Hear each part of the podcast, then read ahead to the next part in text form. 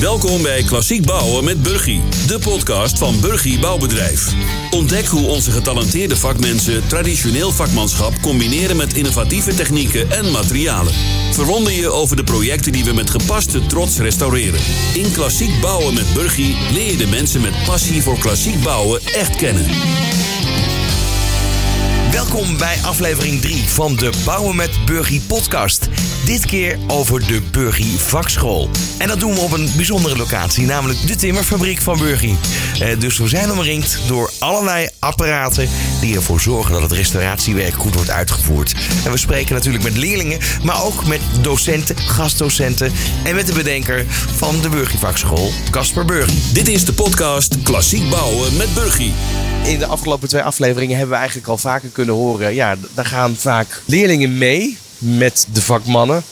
Uh, maar daar komt nog een stapje bovenop volgens mij. Uh, bij me staat Casper. Wij gaan het hebben over het ontstaan van de vakschool. Wanneer is dat eerste zaadje geplant om te denken, daar moeten we mee beginnen? Jeetje, dat is heel lang geleden begonnen. Dat was in tijd van een, een van de vorige crisissen. En dan hadden we, waren we met leerlingen bezig. En dan was het een crisis. En dan stuurden we de leerlingen allemaal weer weg. Want ja, we moesten mensen kwijt. Dat voelde bij mij zo verkeerd. Dat ik denk, ja, zo moet het niet. Dat, dat is geen toekomst voor je bedrijf. Je moet dat veel intensiever doen. Daar komt bij dat ik leerlingen leuk vind. Dat ik leren leuk vind. Dat ik opleiden leuk vind. Dus dat hele pakket. En dat ging steeds meer groeien. En dan gaan we steeds meer uh, aandacht hebben eraan besteed. Steeds meer energie erin gestopt. 2010 zijn we beste leerbedrijf van Nederland geweest. Dus ook niet voor niks. Ja, ik heb het certificaat toevallig gezien hangen ook bij de, bij de, bij de receptie. Ja, met uh, Maxima uh, was dat feestje. Dus dat was echt wel een feestje hoor. In de kathedraal van Rotterdam. En uh, dat was ook weer zo'n signaal dat je ziet van... hé, hey, we zijn er heel serieus mee bezig. En nu is het nog meer serieus. En op deze manier, door het een vakschool te noemen... en het vast te prikken, krijgt het ook een fundament binnen Burgie. Het moet eigenlijk gewoon, het is een onderdeel, het zit bij mij in tussen mijn oren. En, en je wilt nou eigenlijk in het heel burgie dat het vast zit. Met andere woorden, in het DNA. Heel goed. Wat, wat vaak gez, uh, gezegd wordt eigenlijk, is dat, dat er een tekort is aan uh, ja, jonge vaklui. Is dat, is dat bij jullie ook zo? Nee, voor ons, voor ons geldt dat niet. We hebben al jaren structureel 20, 21, 22 leerlingen rondlopen. En heeft dat te maken met het specialisme wat jullie hebben? Het restaureren? Daar heeft het wel heel veel mee te maken. De opleidingen restauratie worden steeds beperkter als het ware. Zeker uh, uh, uh, het VMBO is daarmee gestopt. Of niveau, niveau 3, niveau 4 zijn ermee gestopt. Dus wij denken daar is in een gat. Plus dat wij vinden, en ik denk ook echt dat wij iedere tien jaar beter restaureren met elkaar. Dus worden steeds hogere eisen, worden steeds, steeds specialistischer. Dus ja, dan denk ik, ja, dat moet je beheersen. Dan moet je zorgen dat de jongens nog beter opgeleid, nog meer kunnen, nog breder zijn. En dat is waar we vastprikken met zo'n uh, vakschool. En ook omdat we zelf al, wat we ook bij opleidingen waar we allemaal naartoe gaan, komen we erachter dat wij best al heel veel weten. Dus de jongens zeggen, wij weten zoveel als we dan van zo'n cursus, daar weten we al heel veel van. Dus dan denk ik, ja, als ze op zo'n niveau zitten, is het best. Dus dan moet je het zelf een beetje gaan ontwikkelen, zelf gaan bouwen. Zelf cursus, eigen vaklieden. Onze eigen leraren zijn eigen mensen. Jos, Jos en Joris zijn gewoon de eigen bouwvakkers van Burgie. Die gewoon onze leraren zijn. Met ook nog aangevuld met leraren van buiten, nog meer specialisten. Was het voor jou moeilijk kiezen om de eerste leraren, docenten aan te wijzen? Of zag je gewoon van, nou, deze mensen hebben het al afgelopen jaren laten zien doordat ze steeds de jonge vakmensen bij zich wisten op te leiden? Ik heb het niet zo moeilijk gehad, maar uh, Joris en Jos hebben het moeilijk gehad. Die vonden dat natuurlijk best wel doodeng. Om voor, uh, in één keer voor de klas, hé, hey, jij wordt leraar. Hé, hey, ik ben toch uitvoerder? Dat is toch heel wat anders dan leraar? En wij hebben Joris en Jos hebben we kunnen helpen door Steven van de Pad. Die wel heel erg getraind in het opleiden is. Die hebben we ernaast gezet om te helpen. En zo zijn ze. En eigenlijk binnen twee lessen hadden die jongens al hun draai gevonden hoor. Dat ging razendsnel. En Jos heb ik gesproken in aflevering 1 van de podcast bij de Bijkorf. In het trappenhuis, wat al 100 jaar oud was. Waarvan je zag wat voor vakmanschap daar geleverd is 100 jaar geleden. Met een leerling. En we gaan over naar Jos en Joris. Dit is de podcast Klassiek Bouwen met Burgie. Je hoort het op de achtergrond al, de zagerij van Burgie. Hier is Eh, de plek eigenlijk waar eh, ja, alle elementen gemaakt worden die dan weer teruggeplaatst worden in het restaureren object, om het zo te zeggen. Bij me staan Jos Koren en eh, Joris Zuiderhout. Jos hebben we kunnen horen in aflevering 1. Toen waren we bij de Bijenkorf in eh, Den Haag, waar eh, de glas- en loodramen gerestaureerd werden en, eh, enzovoort enzovoort. En ik weet nog heel goed Jos, ik sprak jou toen in een houten trappenhuis. En daar hebben we staan kijken naar wat voor vakwerk daar, begin de 19e eeuw, verricht is. Ja, dat klopt helemaal. Ja, daar zijn we inderdaad uh, dat gesprek gehad. Ja, nu staan we weer hier, hè? En het leuke was, um, en dat ontstond toen een beetje spontaan, um, toen had jij een leerling bij je. Ja, klopt. Ja, Jos, ja, die doet nu dus ook weer mee aan die vakschool. Uh, dus, uh... En zo zie je dat, dat het eigenlijk toen, hè, het gegeven was toen dat we het gingen hebben over glas en lood en de restauratie van de bijkorf. En uh, daar kwam eigenlijk best wel spontaan op zich kwam daar het opleiden voorbij. En nu gaan we het echt hebben over die burgervakschool, want dat is inmiddels een feit. Ja, zeker. Ja. Ja, daar zijn we inmiddels mee gestart aan het begin van dit jaar, in maart volgens mij. Er zijn twaalf leerlingen hebben daar aan meegedaan. Ja, dat is natuurlijk hartstikke spannend om dat überhaupt te organiseren en daarmee te beginnen. Want ja, voor ons is het allebei ook een beetje nieuw.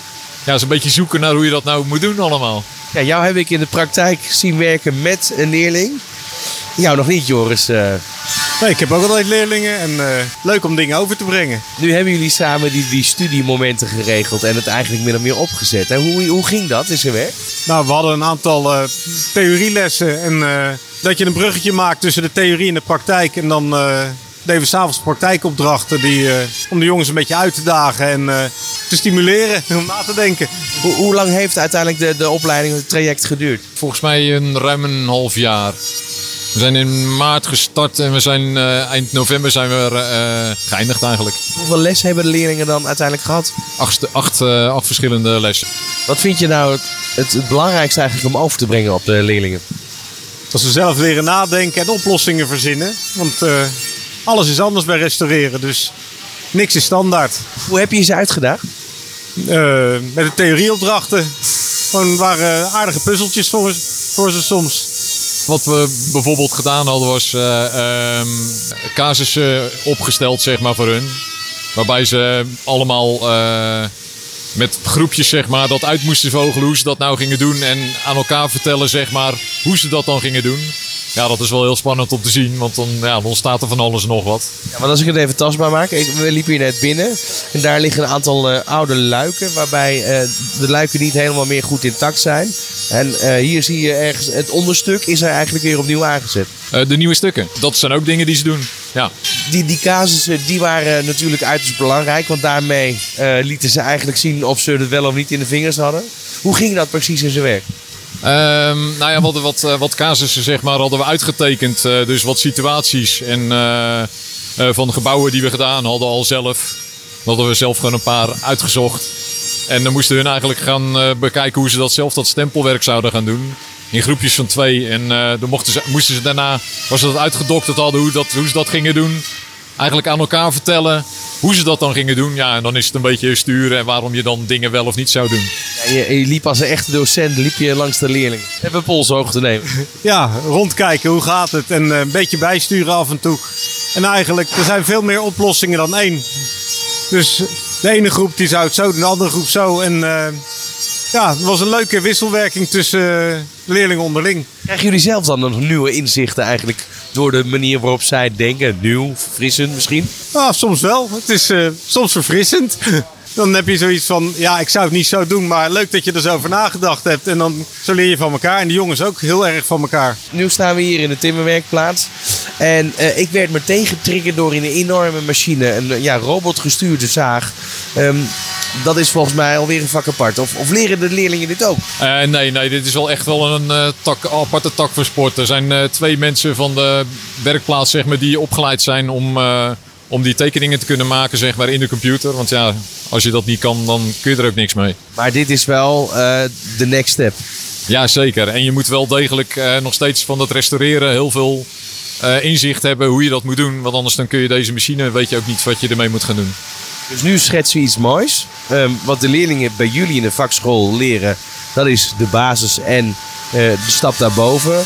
dit is dan uiteindelijk, hè, waar we het over hebben, de toekomst, de robotgestuurde. Maar eerst dus moet je die basis snappen om dit überhaupt te kunnen bewerken. Ja, zeker. Ja, en uiteindelijk is het tot op zekere hoogte ook een soort eh, vakschool eigenlijk. Alleen is het dan extern dat ze opgeleid worden. Hoe was de sfeer eigenlijk tijdens die lessen? Ja, supergoed. Iedereen was enthousiast. En eh, ja, je denkt om vier uur iedereen is eh, moe en klaar. En, eh, maar gewoon tot negen uur volle bak doorgaan. Nu kan ik me ook nog herinneren, in de, de tweede podcast waren we bij het voormalig hoofdkantoor van Shell. Eh, daar sprak ik ook met een leerling. Het straalde er gewoon vanaf. Ja, dat is bij de meesten eigenlijk wel. Omdat ze best wel trots zijn op hetgene wat ze doen. Want ja, dat restaureren is toch een heel ander eh, iets dan eh, in de nieuwbouw eh, rondlopen. Ik denk dat daar het eigenlijk vooral zit. Even terug naar de onderwerpen, want eh, we hebben het gehad over het restaureren. Maar als je nu, hè, stel je zou het even vertalen naar een eh, normale opleiding, dan heb je allerlei vakken. Welke vakken kwamen hier eh, voorbij? Nou ja, het is vooral op het timmer, eh, timmervak gericht. Wat we gedaan hebben, we hebben een, een module over eh, pannen en daken gehad. eh, kozijnen en ramen en deuren en luiken. Ehm, eh, stu- stut- en stempelwerk, ontmantelen van restauratieve stukken in een gebouw of buiten een gebouw. Nu heb ik dat wel eens gezien op film, ontmantelen. Neem een visgaatvloer, hoe gaat dat? Nou, heel voorzichtig, zo min mogelijk beschadigen. En van tevoren echt bedenken hoe ga ik een plan maken, hoe ga ik het eh, doen om het eh, zo netjes mogelijk eruit te En krijgen. elk stukje wordt genummerd. Ieder stukje moet genummerd, je moet weten waar het vandaan komt. En je moet over tien jaar moet je nog kunnen overdragen aan een volgende persoon. Zo van, zo hebben we het gedaan en zo moet het terug. Wat nog meer? Nou ja, het is vooral inderdaad wat Joris eigenlijk al zei. Heel veel dingen eigenlijk eh, ja, op een plattegrond of zo. Of een vooraanzicht of foto's maken. Stickers opplakken. eh. ja, je moet altijd eigenlijk weer terug kunnen vinden waar het vandaan gekomen is en hoe het gezeten heeft. Dan ben je klaar met ontmantelen. Eh, dan moet je eigenlijk naar de volgende fase. Dat is de fase waarin je besluit welke elementen wel of niet eh, hersteld kunnen worden of nieuw gemaakt moeten worden. Neem je die leerlingen natuurlijk mee in het proces. Komen ze dan al uit hier bij de, bij de timmerwerkplaats? Eh, nou ja, dan moet je even op tekening, moet er eigenlijk eerst op tekening gezet worden wat er dan eh, behouden wordt en wat er vooral aan nieuwe onderdelen moet komen. Dus dan eh, ga je eigenlijk tekeningen maken daarvan wat dan in de werkplaats eigenlijk gemaakt moet worden. Om bijvoorbeeld bij de Shell zeg maar een lambrisering die daar gemaakt is. Ja, dat je weet hoe dat in elkaar zit en wat je nodig hebt om of een deel weer te herstellen daarvan of misschien wel helemaal nieuw maken. En dan komen ze eigenlijk in de fase waarin ze dus bepaalde technieken onder de knie moeten krijgen. Ja, maar dat is eh, de timmeropleiding sowieso. Heel veel technieken leren, maar het is nu vooral eh, ja, de gedachte erachter. Dat ze leren, waarom doe ik het eigenlijk? Jos, nu heb je een aantal eh, vakken eigenlijk genoemd. Welke zijn er nog meer? Eh, nou ja, we hebben ook eh, de URL's, dus de uitvoersrichtlijnen. Ehm, ja, die zijn wel heel belangrijk dat ze die ook leren. Omdat je eh, daarin eigenlijk terug kan vinden hoe we eigenlijk iets eh, moeten restaureren. Door eh, mensen uit dit vak, zeg maar, door heel Nederland is dat samengesteld. En daarin kun je dus terugvinden hoe je iets moet restaureren. En verder heb je natuurlijk nog metselwerk, dat soort zaken. Zijn dat nog belangrijke vakken? Ja, nou ja, dat is metselwerk hoort daar dus ook bij. En hoe je iets moet voegen en met welke voeg, welke hardheid het moet hebben en welke samenstelling bijvoorbeeld. Dat is dus heel minutieus eigenlijk om ervoor te zorgen dat dat klopt.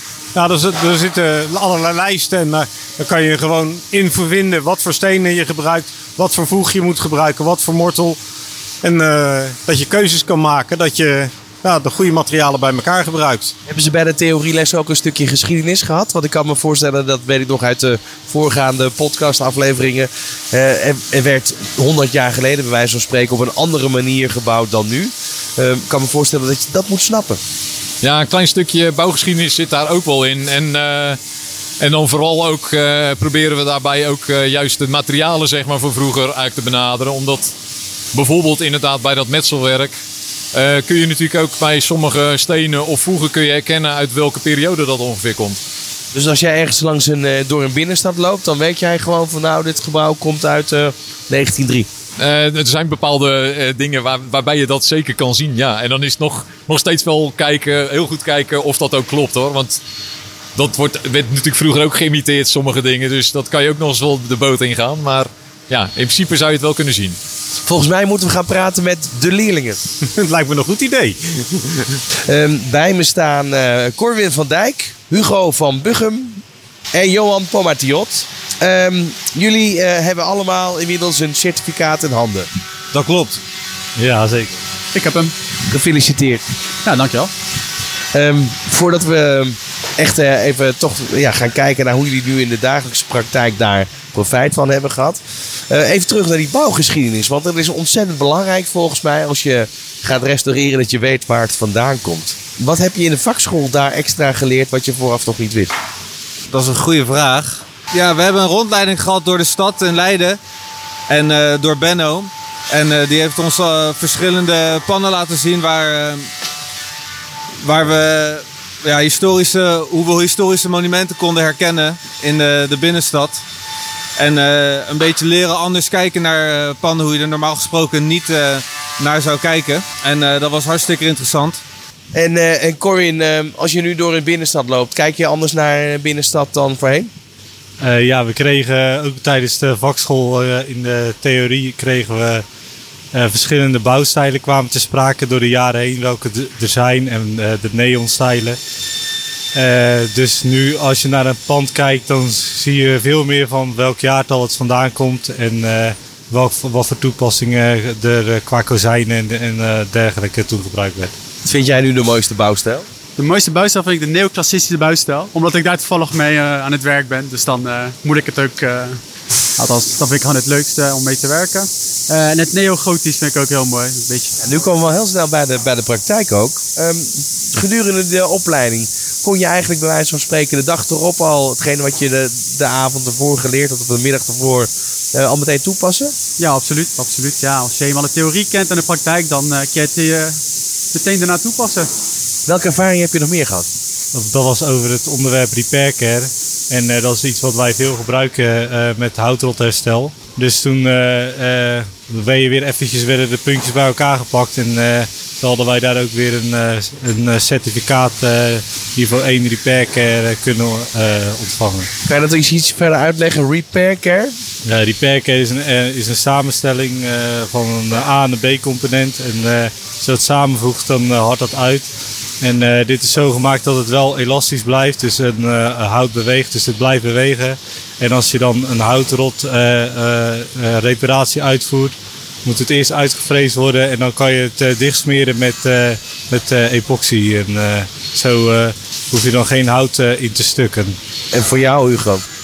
Uh, de praktijk was, uh, was heel leuk. Vooral om uh, in de timmerfabriek met de andere leerlingen die praktijk uit te voeren. Zoals bijvoorbeeld, we hebben haakse lassen gemaakt in balken en verbindingen om balkoppen aan te helen. En het was leuk om te zien hoe verschillende jongens van dezelfde ervaring als mij, hoe, hoe zij dat aanpakten. En ook uh, verder hadden we een uh, praktijkdeel over de, of een theoriedeel over de dakpannen. En wij hadden toevallig net uh, een heel dak bij de Eerste Riemerstraat leeggehaald. En dan gingen we alle pannen opnieuw opdoen. En er kwam, bij de URL kwam eruit dat er een nieuwe regel is dat om de pan een panhaak moet hebben tegen het opwaaien van de dakpannen. En dat, dat konden wij dus gelijk toepassen omdat wij daarvoor dachten dat het misschien 1 op 3 of 1 op 4 waren. Maar het bleek dus dat het echt uh, 1 op 2 was waar een panhaak onder moest zitten. Dus meteen de theorie hup, in de praktijk brengen. Um, hebben ze jou moeten overtuigen om deel te nemen aan de vakschool? Uh, ja, eerst wisten we totaal niet wat het inhield. En uh, wat voor, op wat voor niveau het uitgelegd en wat voor niveau les je zou krijgen. Ja, intussen werk ik nu vijf jaar bij Burgie. Dacht ik in eerste instantie van nou is het nou is het nog wel echt nodig. Ik heb mijn tijd bij een goede timmerman samengelopen, waar ik heel veel uh, van geleerd heb. In eerste instantie niet, uh, niet tegelijk voor aangemeld, maar uh, na een, een, kort gesprekje met Vincent toch overgehaald, overtuigd om, om mee te volgen en absoluut geen spijt van gehad. Waar, waar lig je vol van de uitdagingen, Johan? ja, ik ben nu met de KOB-opleiding bezig, dus je blijft maar leren en nieuwe uitdagingen vinden. Is dat ook het, het fijne eigenlijk van dit vak, dat je nooit uitgeleerd raakt? Ja, dat denk ik wel. Dat uh, nog nooit een timmerman kan zeggen dat hij uitgeleerd is. Je blijft elke dag nieuwe dingen ontdekken, nieuwe technieken ontdekken. Dus nee, je bent nooit uitgeleerd. Dat heeft natuurlijk te maken met die ontelbare hoeveelheid aan bouwstijlen die er zijn geweest door de jaren heen. Absoluut. En we hebben zo'n divers uh, althans zo'n diverse gebouwen aan wat we mogen werken, dat je ja, nooit uitgeleerd bent. Ook over de historie van gebouwen niet en eh, over de werkzaamheden die we doen. Waar heb je het meest van genoten tijdens de opleiding? Eh, ik heb het meest genoten van eh, het praktijkonderdeel. Eh, want eh, zoals ik zei, vond ik het hartstikke leuk om eh, te kijken hoe andere collega's van eh, dezelfde ervaring, hetzelfde niveau, hoe- om te zien hoe zij het doen. In plaats van eh, veel meer ervaren collega's, want die doen het vaak een stuk sneller. En het is ja, fijn om te zien hoe andere mensen doen als zij eh, hetzelfde aantal jaren in de bouw hebben gewerkt als jij. Ja, want ik kan me voorstellen dat je dan kijkt naar een andere collega die, die het zo in de vingers heeft dat hij een enorme snelheid maakt. Dat dat best wel frustrerend werkt als het jou niet lukt. Ehm, heb je nu een manier gevonden om daar dan mee om te gaan en te weten van nou dat komt vanzelf wel? Eh, nou ja, weet je, oefening baart kunst. Dus eh, hoe meer ik het zelf doe, hoe, eh, hoe beter het gaat. En eh, een beetje goed opletten als je ziet dat eh, een bepaalde collega van jou iets een stuk beter of efficiënter kan dan, dan jij het kan doen. Dan kan je van hen leren en zo kan je van elkaar blijven leren. Corwin, jij zei ja in het begin moesten ze toch wel een beetje overtuigen om hieraan deel te nemen. Als jij het nu moet doorgeven aan een andere, misschien toekomstige leerling. Wat is dan de belangrijkste reden om te zeggen ga het doen? Eh, nou, ik denk dat ik de belangrijkste reden vind eh, veel van elkaar kan leren. En eh, we hebben ook een soort eenheid gecreëerd met elkaar. We kenden elkaar al, maar nu ken je elkaar nog wat beter. Waardoor je ook meer verbinding als collega's met elkaar hebt. En ook meer dingen durft te vragen, elkaar durft te bellen. Je weet altijd een beetje waar iemand sterke kanten ligt. Dus het, het helpt je niet alleen tijdens de opleiding, maar ook daarna nog als je ergens tegenaan loopt. Want jullie zitten niet op dezelfde klus op dit moment, toch? Nee, klopt. Iedereen, eh, ja, eh, ik werk voor, op een eigen klus. Eh, ja, iedereen eh, zit ergens anders. eh. Dus jij weet die telefoon ook te vinden, Johan. Ja, zeker. zeker. Als ik iets eh, nodig heb, dan eh, kan ik altijd Joris of Jos eh, bereiken. Dankjewel. Dit is de podcast Klassiek Bouwen met Burgie. Ja, bij zo'n vakschool ehm, horen natuurlijk eigenlijk ook wel gastcolleges. Ehm, en bij me staat nu ehm, Benno van Haren. En eh, Benno, eh, toen ze naar je toe kwamen met de vraag... Goh, zou jij een gastcollege willen verzorgen? Wat dacht je toen? Oh jee, een gastcollege. Een rondleiding door Leiden. Ik ben zelf geen Leidenaar. En ik denk van, hoe ga ik dat aanpakken? Voor mezelf een beetje gaan kijken van wat zijn nou de, de mooie gebouwen in Leiden. De monumentale gebouwen. Maar er werd mij ook een tijd gesteld. Ik mocht anderhalf uur met die jongens rond gaan lopen. Vanaf dit kantoor. En ja, de binnenstad van Leiden is hier wel even 20 minuten vandaan. Dus ik ben in- ook in de buurt gaan kijken naar bouwstijlen. Dus ik ben gewoon voor mezelf hier de deur uitgelopen richting de binnenstad. Van joh, wat zie ik nu allemaal zelf? Op basis daarvan heb ik een voorbereiding gemaakt. En eh, ja, die jongens wat aandachtspunten gegeven om te, om te kijken naar gebouwen. Hoe was de, de kennis voordat ze met jou de stad ingingen? Nou, verbazingwekkend dat ik dacht van ja, die jonge jongens die zullen wel eh, lopen te keten en lopen te geinen. Maar eh, we staken over en eh, er werden gelijk al vragen gesteld van joh, wat zie ik nu hier? Deze panden lijken allemaal op elkaar. Is dat tegelijk gebouwd? En, dus ik vond hun, hun inzet of hun blijk van interesse echt bewonderenswaardig. Hoe erg draagt het bij ehm, als je toch wat weet over die bouwgeschiedenis? Om dan vervolgens het restauratiewerk te kunnen uitvoeren. Met name als je van tevoren door te kijken naar gebouwen kan zien uit welke bouwtijd ze komen, eh, kan je daar wel wat bouwfouten of wat, wat eh, onderdelen uithalen waar altijd eh, problemen bij zijn. Jaren 30 woningen zijn over het algemeen redelijk goed en hebben s- niet van die hele slechte kozijnen, maar hebben meer problemen met het metselwerk. Metselwerk wat gaat scheuren. Wat oudere gebouwen die hebben vaak wel last van houtrot en eh boktor, eh, insecten die het hout op gaan eten. Dus iedere, iedere bouwstijl vraagt een andere eh, benaderingswijze of bekijkingswijze. En dat wilde ik ze eigenlijk bijbrengen. Neem ons dus mee even die binnenstad in van Leiden. Wat, wat is nu het gebouw waarvan je zegt van ja, als je dit nu hoort in deze podcast. Eh, ik vind zelf het academiegebouw eh, van Leiden het mooiste gebouw in de binnenstad van Leiden, op het Rapenburg. En die laat heel veel bouwstijlen zien vanaf de middeleeuwen eigenlijk. De tijd van Willem van Oranje. Eh. Het is van een oud nonnenklooster tot een universiteitsgebouw geraakt. En in alle, allerlei verschillende jaarsfacetten zijn daar eh, onderdelen aangebouwd. Dus één gebouw met heel veel verschillende bouwstijlen. Tot aan neogotiek aan toe. En dat vind ik een heel fraai gebouw. Was je snel op je gemak als gastdocent? Ja, bewonderenswaardig. Ja. Ik, ik had- zag er enorm tegenop. Ik ben niet zo'n prater. Maar als ik eenmaal begin, dan, dan vind ik het wel leuk. En ik had de aandacht van de jongens. En dat, eh, dat maakte dat ik ook veel te vertellen had. En we uiteindelijk wel 2,5 uur rondgelopen hebben. Dus ze mogen jou vaker bellen. Ja, prima. Ja, zeker. Het heeft ook mijn interesse, interesse gewekt om, eh, om hier wat, wat meer mee te gaan doen. Ook op papier bijvoorbeeld. Wat eh, kennis te, door te geven. Ja, en een ander, ander onderdeel van, eh, van eigenlijk de hele ja, opleiding binnen de Burger Vakschool was een gastles van gastdocent Hans Luft. En Hans woont in Twente, daarom hebben we aan de telefoon. Hans, welkom in deze podcast van Burgie.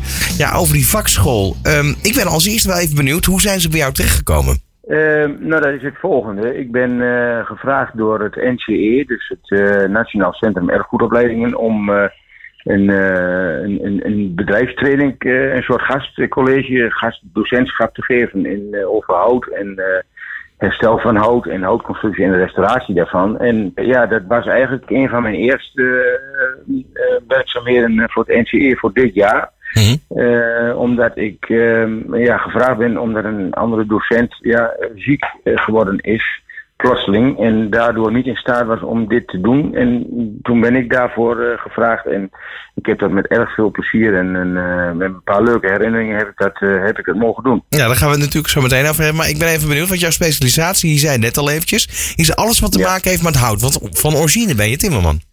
Ja, ja, klopt. Uh, van origine timmerman, opgeleid als timmerman en uh, met een specialisatie voor hout. Ja, uh, voornamelijk het, het, samenstellen met, met houten gebinden, houten onderdelen. Het maken van deuren, ramen, kozijnen, trappen.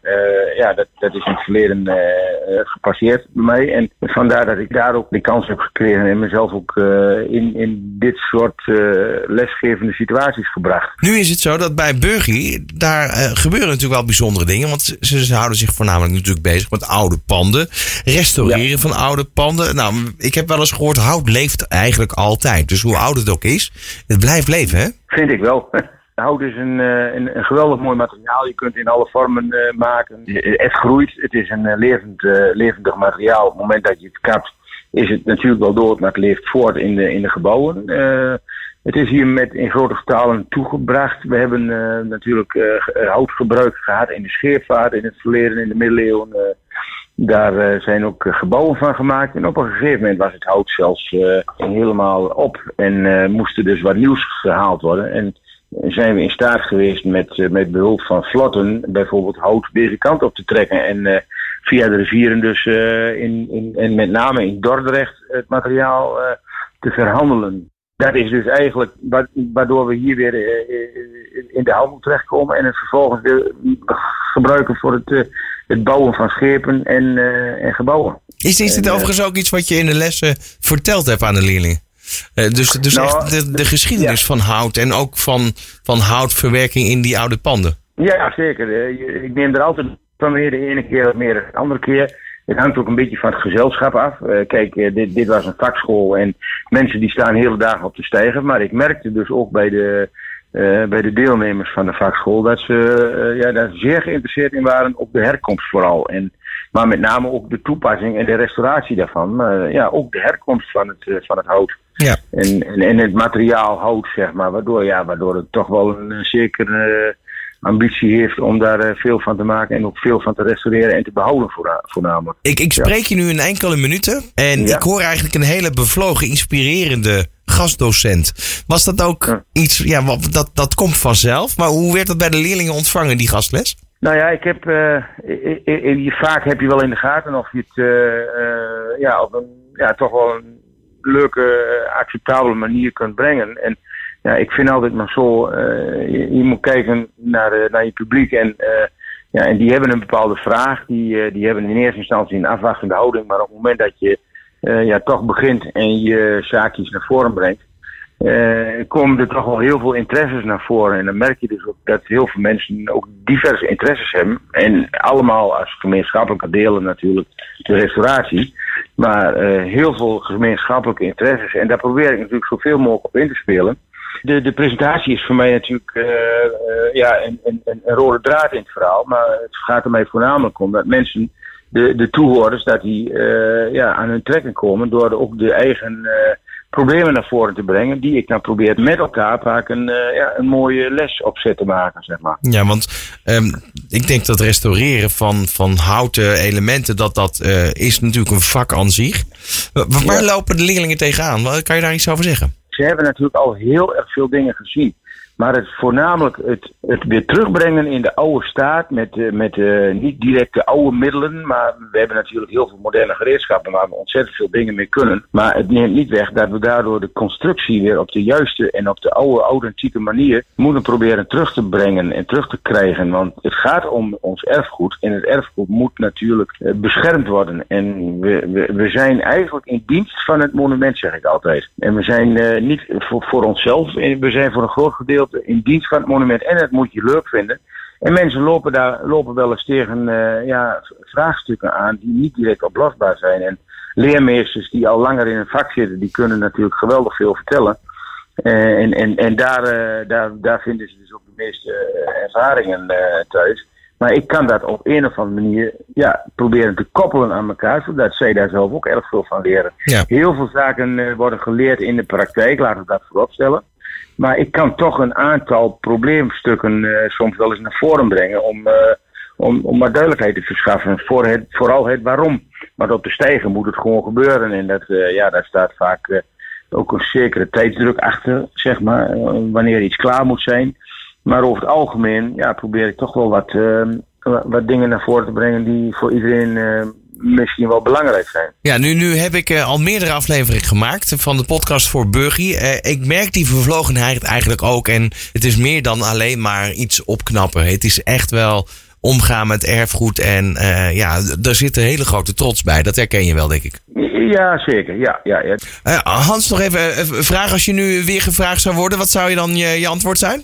ja ik ronduit ja. Je zou het zo weer doen. Jazeker. Nou ja, er zit een Ja. passie voor hout in. Dat is eh, ons heel erg duidelijk. Dankjewel. Ja, geen dank en graag gedaan. Dit is de podcast Klassiek Bouwen met Burgie.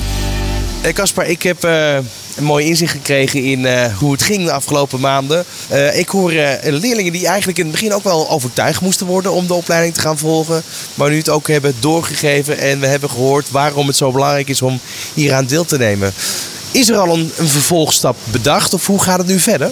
Jazeker, jazeker. We hebben vrij recent hebben we nu geëvalueerd van hoe ver zijn we en wat hebben we bereikt. En daar hoort meteen bij wat gaan we doen. En we zijn eh, heel erg bezig, want we hebben nu een, de, de jongste generatie gehad, noem ik het maar even. En nu willen we weer een oudere generatie. Dus eh, best wel een uitdaging, want dat is dus niet dezelfde lesjes draaien hè, die, we in die we in 2022 gedaan hebben. Nee, we moeten nieuwe lessen en nieuwe stof en het moet weer ingewikkelder en meer hoger niveau krijgen. Dus we hebben nog een uitdaging te gaan, maar daar zijn we druk mee bezig. En ik vind het heel spannend wat dat weer gaat worden. Waar staat eh, in, jouw, in jouw droombeeld de vakschool over vijf jaar? En mijn droombeeld is dat we eigenlijk een soort recurring vakschool hebben. Ik denk dat het doorlopend is. Dus niet één keer je hebt het, je certificaat van de vakschool gehad bij Burger en dan zijn we klaar. Nee, over drie, vier jaar jongens zitten jullie er weer. Hè? En de jonge generatie is dan weer ouder geworden. Dus die gaat dan een opleiding van wat groter. Dus zo hoop ik dat je dat door het hele bedrijf... Met, en dan hebben we ook weer nieuwe technieken, nieuwe oplossingen, nieuwe kennis. Dus we worden steeds slimmer met elkaar, hoop ik. Heb jij nog ambities als eh, docent? Misschien mag ik zometeen nog wel een keer les komen geven op de vakschool. Vind ik net zo spannend als Joris en Jos hoor. Wat- zou je de leerlingen dan willen bijbrengen? Nou, ik, weet, ik heb la- laatst heb ik les gegeven over hout. Eh, ik weet heel veel over bouwdetaillering. Ik weet veel over roetjes. Ga ik binnenkort zijn we bezig daar een les over voor te bereiden. Dus het loopt al een beetje. Gaat wel goed komen. Dankjewel. Graag gedaan. Bedankt voor het luisteren naar onze podcast. Deel jij de volgende keer ook weer onze passie voor klassiek bouwen? Wil je reageren op de afleveringen van Klassiek Bouwen met Burgie? Mail dan naar Bouwbedrijf.burgie.nl